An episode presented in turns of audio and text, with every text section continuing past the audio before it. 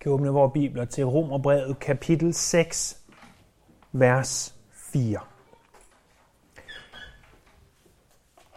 Det afsnit, som vi beskæftiger os med i dag, går fra vers 1 til vers 10. Så lad os læse det sammen først, og så begynde at fokusere ind på det, som vi skal se på. Hvad følger nu heraf? Skal vi blive i synden, for at nåden kan blive så meget større? Aldeles ikke! Hvordan skulle vi, som er døde for synden, stadig kunne leve i den? Eller ved I ikke, at alle vi, som er blevet døbt til Kristus Jesus, er døbt til hans død? Vi blev altså begravet sammen med ham ved dåben til døden, for at også vi, sådan som Kristus blev oprejst fra de døde ved faderens herlighed, skal leve et nyt liv. For vi er vokset sammen med ham ved en død, der ligner hans. For er vi vokset sammen med ham, sammen med ham ved en død, der ligner hans, skal vi også være det ved en opstandelse, der ligner hans. Vi ved, at vores gamle menneske er korsfæstet sammen med ham, for at det læme, som ligger under for synden, skulle, eller måske snarere skal, til intet gøres, så vi ikke mere er trælle for synden. Den, der er død, er jo frigjort fra synden. Ja, vi er døde med Kristus. Så tror vi, at vi også skal leve med ham. Og vi ved, at Kristus er opstået fra de døde og ikke mere dør. Døden er ikke herre over ham mere. For den død, han døde, døde han for synden en gang for alle. Det liv, han lever, lever han for Gud. I de par søndage, vi har beskæftiget os med kapitel 6, der har vi i vers 1 og 2 set på, at kapitlet starter med, at Paulus han stiller det her spørgsmål. Skal vi nu, på grund af den vidunderlige nåde, som Gud har skænket os, noget betyder jo noget, som er ganske ufortjent. En gave, som vi får gratis. På grund af det skal vi så bare synde løs. Fordi hver gang du synder, og Gud han igen tilgiver dig, så giver det Gud her. Så forskruet menneskers tankegang vil være at sige, jamen, hver gang jeg synder, og jo mere jeg synder, desto mere ære får Gud. Giver det mening, siger Paulus? Er det sådan, vi skal tænke? At han besvarer selv spørgsmålet der i vers 2. Aldeles ikke udråbstegn. Aldeles ikke. På ingen tænkelig måde. Nogle bibeloversættelser har, som, som jeg har øh, gjort jer det klart tidligere, tilladt sig at oversætte det med ordene Gud forbyde det, og men det ikke er de øh, direkte, den dire, mest direkte oversættelse, men, men det er forståelsen. Det kan simpelthen ikke tænkes. Det er utænkeligt. Hvorfor er det utænkeligt, at den kristne, ham som er født på ny, ham som eller hende som er en ny skabning i Kristus Jesus, vil synde for at Gud må forære, vil synde mere, vil bruge synden som en undskyld, eller bruge nåden som en undskyldning for at synde. Hvorfor er det utænkeligt? Det er det, fordi at vi som kristne er, og vi har sætning der i vers 2, er døde fra synden. Vi er døde fra synd. Men hvad betyder det at være død fra synden? Jo, det begyndte vi at se på sidste gang, for resten af kapitlet udlægger eller forklarer, hvad døden fra synden er. Hvad er døden for synden? Vi så sidste gang, at nøglen til at forstå det, at vi er døde for synden, skal ses i og med, at vi er forenet med Kristus. Vi er forenet med Kristus. Fordi vi er forenet med ham, så er det, som er sket med ham, også sket med os. Vi er døde med ham, og vi er gjort levende med ham. Og i vers 4-10, som bliver vores fokus i dag og næste gang vi samles om Romerbrevet, der ser vi de to kontraster. At vi er for det første døde med ham, og for det andet gjort levende med ham. Fordi teksten taler på den ene side om, at vores gamle menneske er dødt. Men taler på den anden side også om, at der er nyt, et nyt menneske, der er gjort levende ved ham. Når vi læser afsnittet, så ser vi igen og igen død, levende, død, levende, død, levende. Og vers 6 og 7 i særdeleshed udlægger og forklarer og uddyber det her med døden. Hvor et vers 8-10 uddyber det her med livet. Så i vers 5, der ser vi, at der står sådan her, er vi vokset sammen med ham ved en død, der ligner hans, skal vi også være det ved en opstandelse, der ligner hans. Og, og det vers bliver en slags indledning til vers 6, 7, som er en død, og 8, 9, 10, som er en opstandelse eller et liv, der ligner hans. Det er den overordnede forklaring af teksten, af, af de vers, vi har her. Men kort sagt, det vi skal se på i dag, det er den første halvdel af de to ting. Nemlig det, at vi er døde med Kristus. Det ser vi hovedsageligt i versene 4 til 7. Og det vil være de vers, der er vores hovedfokus i dag. Men næste gang i det, vi ser på, at vi har gjort levende med Kristus i vers 8-10, vil vi gå tilbage og trække nogle af de pointer, som gives i vers 4-7 med over i vers 8-10. Men i dag hovedsageligt vers 4-7, vi er døde med Kristus. Når vi tænker på det her med, at vi er øh, døde med Kristus, så er det lidt som hvis vi tager en diamant og holder op i lyset, og, og vi kigger på dens forskellige sider, vinkler, eller måske mest af alt facetter. Vi har den her smukke, smukke juvel, og vi holder den op i lyset, og vi drejer den rundt. Og vi studerer hver eneste side af den, og hvor smuk den er. Og hvor fantastisk den er. Og, og det vi skal se på i dag, det er, at vi er døde med Kristus. Dermed er vi døde fra synden. Og vi har fire forskellige facetter af den død, som vi vil fokusere på i dag.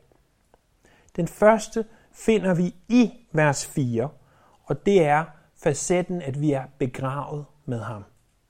Vi er begravet med ham. Der er ikke nødvendigvis sammenhæng imellem de her fire facetter. Vi drejer den rundt, ser den næste, og den næste, og den næste, og de fire til sammen ud, øh, danner helheden af det her.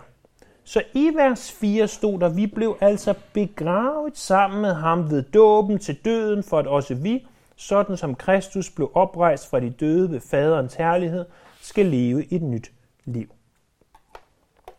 Tilbage i vers 3, der har vi set, at vi er døbt til hans død. Vi talte om sidste gang, at i Romerbrevet kapitel 6, der eksisterer ikke en eneste dråbe vand.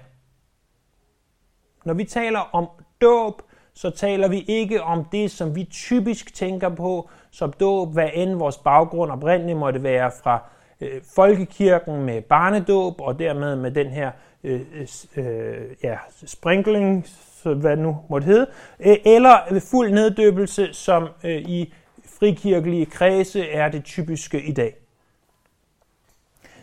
Det er ikke det, vi taler om. For der er ikke en dråbe vand i det her kapitel. Du, du kan vride det her kapitel lige så meget du vil, og du kan ikke få en eneste dråbe vand ud af det. Det er en dåb, der er tale om af en anden dåb. Det er den dåb, hvor du bliver døbt ind i Kristus Jesus. Hvor du bliver et med ham. Hvordan bliver du et med ham? Det bliver du ved Helligånd. Det er i det, at du bliver, som Jesus beskriver det i Johannes kapitel 3, født på ny. Det er den dåb, der er tale om. Det er ikke dåben i og med vand. Og det er det, det betyder, at vi er døbt til Kristus Jesus. Vi er døbt til hans død.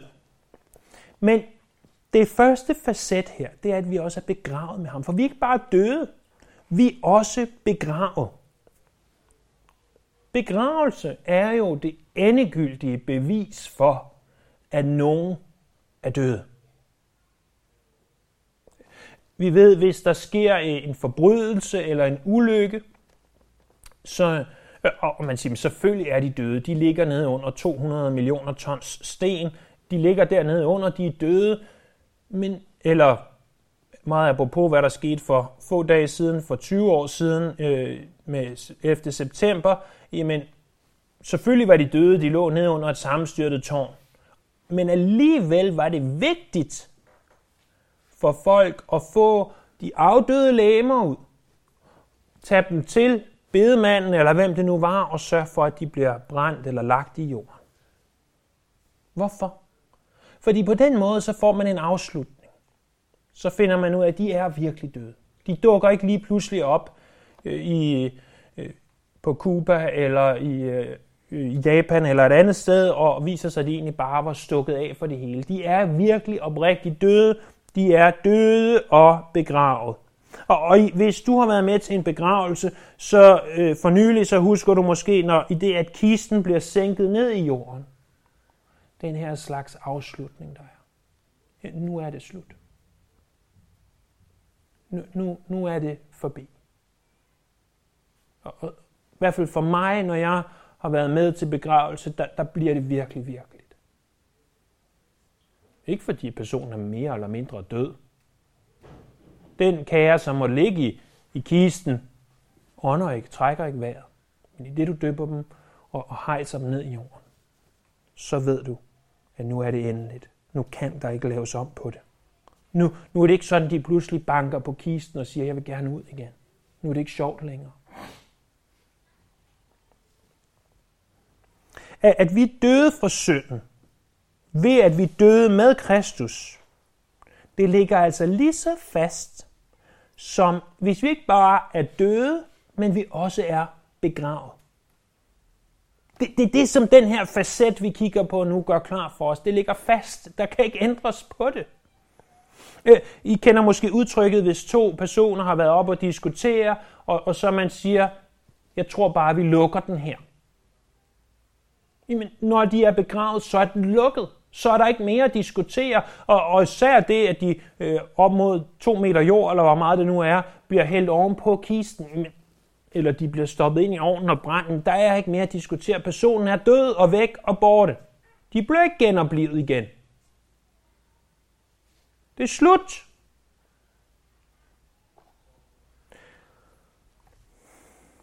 Og igen, har du været til en begravelse, så for nylig, så vil du også kunne huske måske, at den her tid imellem personen dør og begravelsen, det er sådan en, en venteperiode.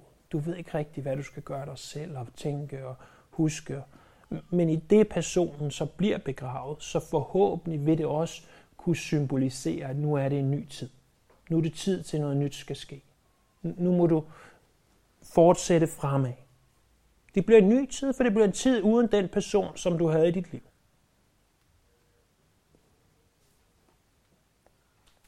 Vi er begravet med ham. Det er endeligt. Ikke bare er vi døde med ham, men vi er begravet med ham. Det her, det er noget, som er lukket. Et lukket kapitel.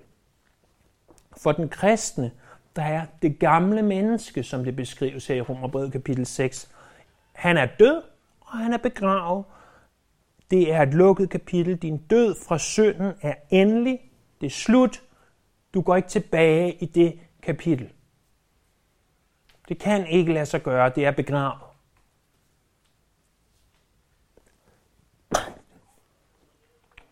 Den anden facet.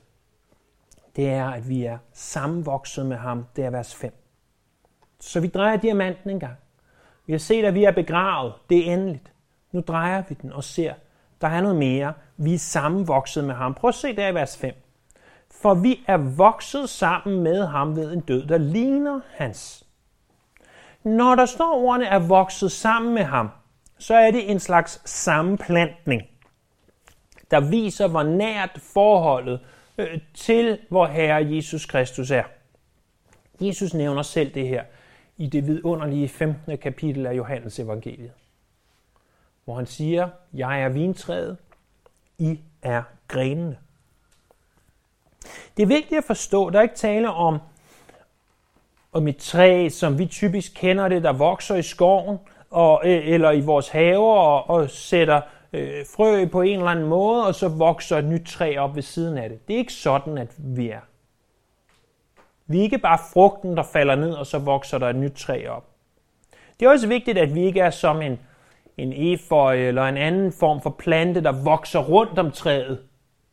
Det, det er heller ikke sådan, at, at du er sammenvokset med ham. Vi skal snarere se det, og man vi ikke skal tage ordets bogstaveligste forstand og sige det her, så skal vi snarere se det, som om, at vi er en gren, der er podet ind på det originale træ.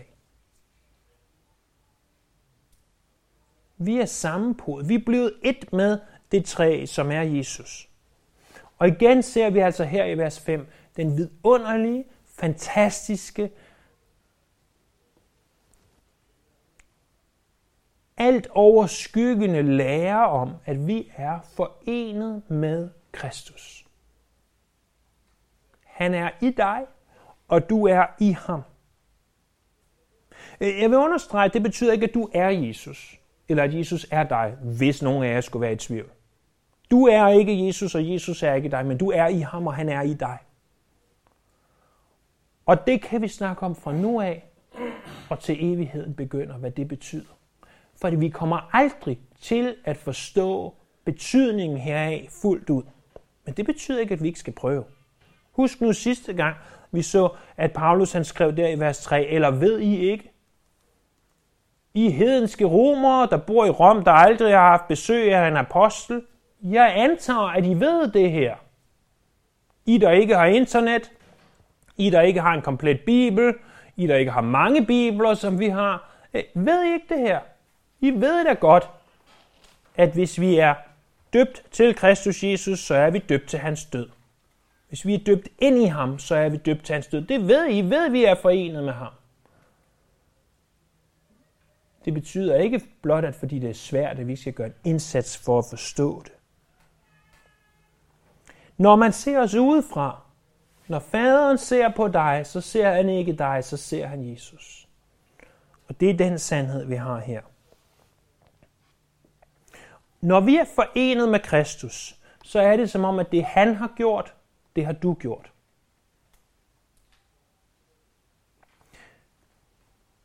Vi har en tendens til at tænke på frelse, som at vi alene er tilgivet. Det er jo fordi, vi alle sammen godt ved, at vi har behov for tilgivelse. Det er jo en del af det at blive en kristen, at vi bekender vores sønder, og vi siger, at vi har behov for tilgivelse. Og det er jo en fantastisk ting ved frelsen. Det, det håber jeg, at vi kan blive enige om. At vi er tilgivet. Men vi må ikke glemme, at frelsen er mere end tilgivelse. Som jeg har beskrevet det forskellige gange før, så vil vi se tilgivelsen som om, at vi havde en kæmpe gæld. Og at Gud for os betaler den gæld, således vores konto er i nul. Ingen gæld længere. Ej, hvor dejligt. Jeg er gældfri. Det er da fantastisk. Men frelsen er mere end blot, blot og bemærk ordet blot, siger jeg i al ærefrygt, end blot at blive gældfri. Det er også, at vi bliver tilskrevet Jesu Kristi retfærdige gerninger. Så hvis du skal overføre det til, til pengeillustrationen, øh, jamen så er det ikke alene, at vores gæld er betalt, det er, at der på vores himmelske konto er indsat et uendeligt beløb.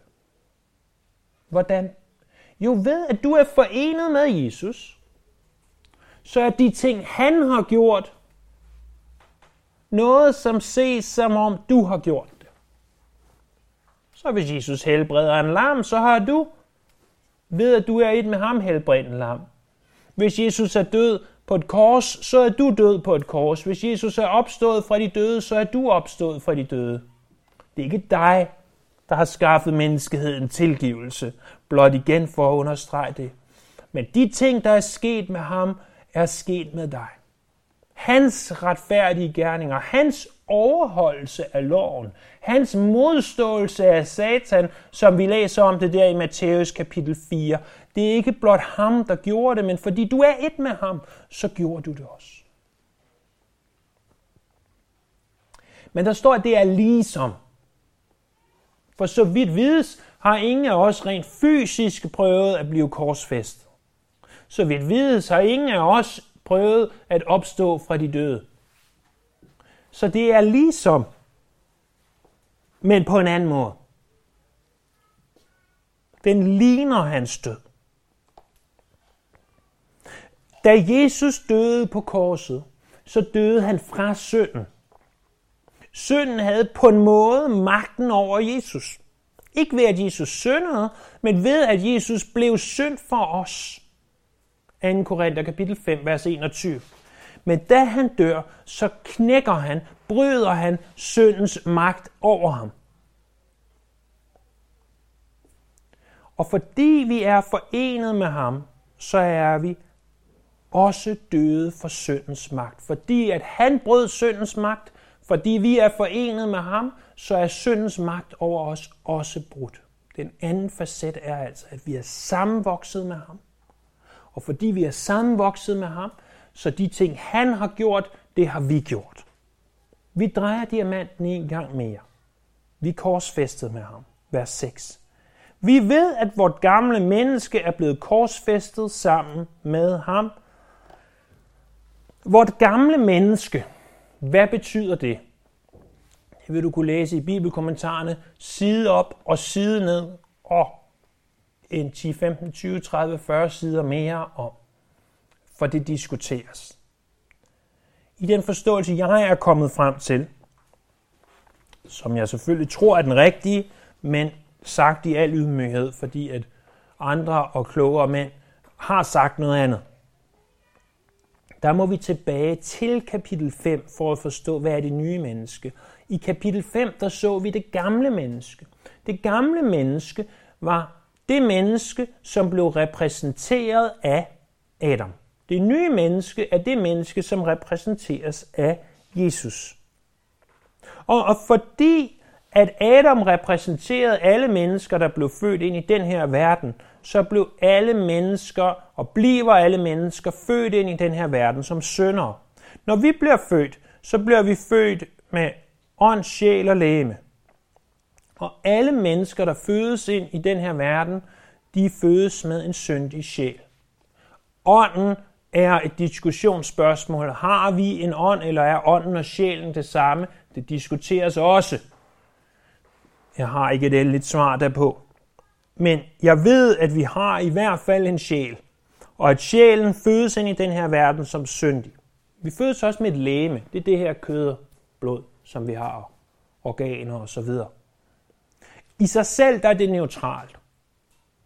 Men fordi vi har en syndig sjæl, så er det fra det øjeblik, vi bliver født, forurenet eller ødelagt, og beskrives ikke bare som læmet, men andre steder som kødet.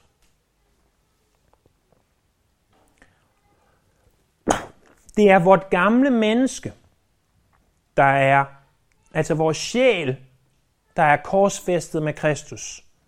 Og det er sjælens tilstand, der afgør, hvorvidt du frelses eller ej. Den korsfæstelse med Jesus er noget, der allerede er sket. Din sjæl, den er frelst, hvis du selvfølgelig er en kristen. Vort gamle menneske er korsfæstet, er død, og som vi har set, er begravet. Det er ikke noget, der skal ske igen. Husker I de fantastiske vers fra Galaterbrevet kapitel 2, vers 19, hvor Paulus han siger, jeg er korsfæstet med Kristus. Jeg lever ikke mere selv, men Kristus lever i mig. Og mit liv her på jorden lever jeg i troen på Guds søn, som elskede mig og gav sig selv hen for mig. Jeg er korsfæstet med Kristus. Jeg lever ikke længere selv. Det er sket, det her. Det er sket. Det er som om, der ikke bare var tre kors på Golgata den dag, der var et fjerde. Og på det fjerde kors, der hang du. Kan se, hvad det er, Paulus han prøver at gøre? Han prøver at sige det samme på flere forskellige måder. Han siger, forstå det nu. Vi døde, vi er begravet, vi er korsfæstet. Det gamle menneske, det syndige menneske, sjælen er død. Som vi skal se næste gang, er den oprejst igen som et nyt menneske. Ham eller hende, som du var i Adam, er død, er bort, er væk. To meter under jorden.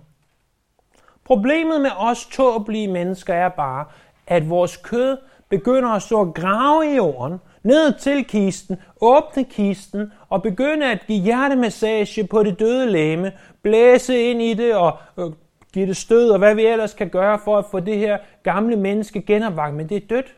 Vi vil så gerne have, det lever igen, men det er dødt. Lad være med at tro, det lever, når det er dødt.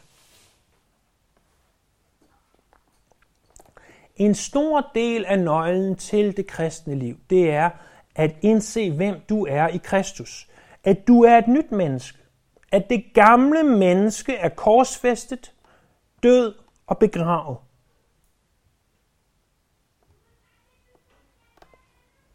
Men det er også vigtigt at forstå, at det, som du har gennemgået, det vi har gennemgået, det er ikke noget, du nødvendigvis føler eller oplever. Det er noget, du er nødt til at tro på er sandt. Det er ikke noget, du mærker på din krop, at det her er sket. Du er nødt til at tro på, at det er rigtigt. Lad mig spørge dig. Tror du, det er sandt, at du er død ved korsfæstelse og begravet sammen med Kristus, og at du er vokset sammen med ham? Tror du det, eller tænker du nogle gange, nej, det gamle menneske i mig er ikke helt dødt endnu. Og hvis jeg sparker lidt til det, så kan det være, at det vågner op igen. Det leder mig til at dreje diamanten en sidste og fjerde gang. Og se på den sidste og fjerde facet, som er, at vi ikke længere tralle for synden i vers 6, den anden halvdel, og så i vers 7. Fordi vi har stadig vores kød. Og vort kød, som har ligget under for synden, og det er det, der står der i midten af vers 6. Vi er korsfæstet sammen med ham, for at det læme, som ligger under for synden, skulle, eller snarere skal, tilintetgøres, så vi ikke mere er trælle for synd. Vort læme er ikke i sig selv syndigt. Det vil jeg gerne understrege. Det er ikke syndigt at have et læme. Det er ikke syndigt at føle trang til, til sult, øh, eller til at trække vejret, og, og så videre. Det er ikke syndigt i sig selv. Øh, fordi Jesus havde jo et læme. Og hvis det vil være syndigt at have et læme, jamen, så vil Jesus have været en synder. Så øh, derimod er vores læmer på grund af vores sjæl øh, fra dag 1 ødelagt. Din sjæl er ny, men du har det samme gamle læme, som skal fornyes. Og hvad betyder det så? Det betyder, at før den dag, hvor du blev født på ny, før du var en kristen, der kunne du ganske simpelt ikke lade være med at synde. Du havde ikke mulighed.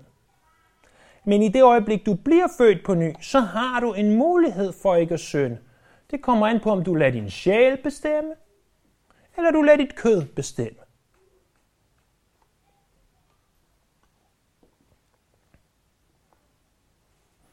Men hvis vi synder, hvis vort kød synder, så ændrer det ikke på, hvorvidt du er frelst. Du må bede om tilgivelse. Du må sige, tilgiv mig herre, jeg syndede igen. Og jeg vil også gerne gøre det klart, at det her, det er ikke gnosticisme, som Johannes han skriver imod i sit evangelium og i sit brev. Det er ikke, at, at vi skal sige, at alt materielt er, er ondt og forkert. Det er slet ikke det, vi er ude i. Vi er ude i at prøve at forstå, hvad det er, Paulus skriver her. Forstå, hvad det er, der er sket med os. At vores sjæl er ny, men vi lever stadigvæk i vort kød. Jeg vil heller ikke sige, at du kan sige, så når du synder, og så fraskrive dig ansvar og sige, det var ikke mig. Jeg er jo et nyt menneske. Det var bare mit kød, der gjorde det, så derfor er det okay. Hvis du siger det, så har du misforstået, hvad hele kapitlet handler om. Skal vi synde for, at noget må blive større? Aldeles ikke. Vi er jo døde for synden. Det er fuldstændig utænkeligt, at vi skal leve et liv i synd. Vi synder, men vi skal ikke leve et liv i synd. Derimod så skal vi arbejde på, at det læme, som ligger under for synden, og så står der der i vers 6, skulle til intet gøres. Jeg vil ikke sige, at det er den bedste oversættelse af det. Øh, måske skulle vi snart holde os til de engelske oversættelser, at de må blive til intet gjort. At kødet må blive til intet gjort. Det bliver det hver gang, du siger til kødet, kød, det er ikke dig, der bestemmer, det er mig, der bestemmer. Så slår du det lidt langsomt ihjel. Hver gang du siger nej til det, som kødet gerne vil, ikke ud af naturligt behov. Og, og vi har naturlige behov for for mad og vand og luft og sex og hvad vi ellers kan finde af naturlige behov. De naturlige behov og kærlighed osv. De, de naturlige behov, det er helt okay. Men når det begynder at blive misbrug, så er det, vi siger nej. Så er det, vi siger nej. Og når vi siger nej, så dør det lidt af gangen. Men prøv at bemærke, hvad der står i vers 7. Den, der er død, er frigjort fra synden. Hvornår er vi frigjort helt fra synden? Det er vi, når vi er helt døde. Den dag vi fysisk ligger 1,80 eller 2 meter, eller hvor langt det nu er, under jord. Eller vi er brændt, eller hvad vi er. Den dag, der er vi helt frigjort. Så længe vi er på den her jord, vil der stadigvæk i vort kød være synd. Men vi må sige nej til det. Den her fjerde ting, den giver os, at vi har muligheden for ikke at synde. Det er den fjerde facet. Vi har muligheden for ikke at synde. Vi har muligheden for at sige nej. Det er fire vidunderlige facetter af det her er. At vi for det første er begravet med ham. Det er endeligt. For det andet så er vi vokset sammen med ham. Fordi han døde, så døde vi også. Vi er for det tredje korsfæstet med ham, og der må vi stille os selv spørgsmålet, tror vi det her er sandt? Det virker jo helt vildt, hvis vi hang der på et fjerde kors sammen med Jesus. Det, det giver jo slet ikke logisk mening for os. Men det er alt andet lige det, som der står i Bibelen. Jeg er korsfæstet med Kristus. Tror du på det, selvom du ikke føler det? Og den fjerde sidste ting, vi er ikke længere trælle for synd. Vi har muligheden for at sige nej til synd.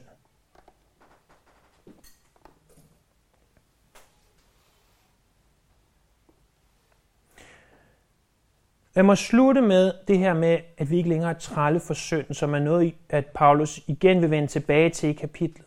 Han vil senere stille spørgsmålet, hvem er din herre? Er synden din herre? Eller er Jesus din herre? Hvem bestemmer i dit liv?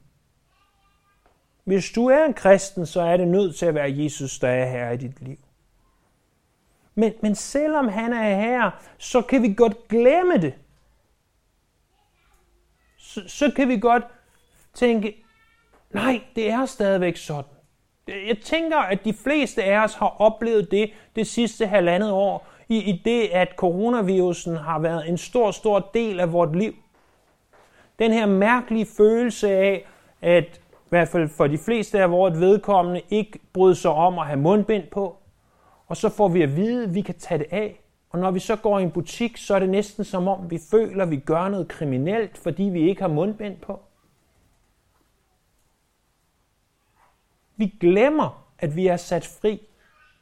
Vi lever ikke som at hvis vi kommer til at give hinanden hånden eller et kram, så er det næsten som om, at, at vi har gjort noget ulovligt, men det er ikke ulovligt. Det er okay nu, siger de. Sådan gør vi også med synden. Vi glemmer, at vi er døde for synd. At Jesus er her. Det er ham, der bestemmer. Og når vi så alligevel synder, må du så sige, synd, du bestemmer ikke længere. Jeg har en ny herre og mester. Det er en mester, som elsker mig og gav sig selv hen for mig. Det er en ny mester, som døde for mig på et kors, og da han døde, der døde jeg. Mit gamle menneske døde. Må du sige, jeg er død, jeg er begravet, mit syndige jeg er død og begravet, det er væk. Og det er det, fordi at Jesus han lever. Må du sige til synden, jeg lever ikke længere selv. Det er Kristus, der lever i mig. Synd, du er betalt for. Du kan ikke komme snigende længere. Du skal ikke have magten over mig. Du skal ikke have lov at bestemme for alt er tilgivet. Og alt er vel med min sjæl. Lad os bede. Himmelske far, skaber Gud, jeg ved udmærket godt, hvor svært det her er at forstå. Jeg ved, hvor svært det har været at studere. Hvor svært det har været at forsøge at, at skrive nogle noter på, som bare gav en snært af mening. Og her må ingen sidde tilbage her og tænke, det fattede jeg ingenting af, jeg er nok ikke en kristen, eller jeg er nok ikke god nok. Men snarere må vi tænke, hvad, hvad er der i det her, som jeg forstod bare en fli af? Og må vi tage den fli og gribe fat om den og knuge os til den her. For det har vi behov for. De her som Paulus beskriver basale sandheder, men som vi nok også må indse samtidig er dybe sandheder. Hjælp os til at forstå. Giv os den nødvendige indsigt. Må du ved din ånd og ved vores ihærdighed i studiet af dit ord, giv os åbenbaring af det her. Vi tilbeder dig her, vi ærer dig, og vi priser dig.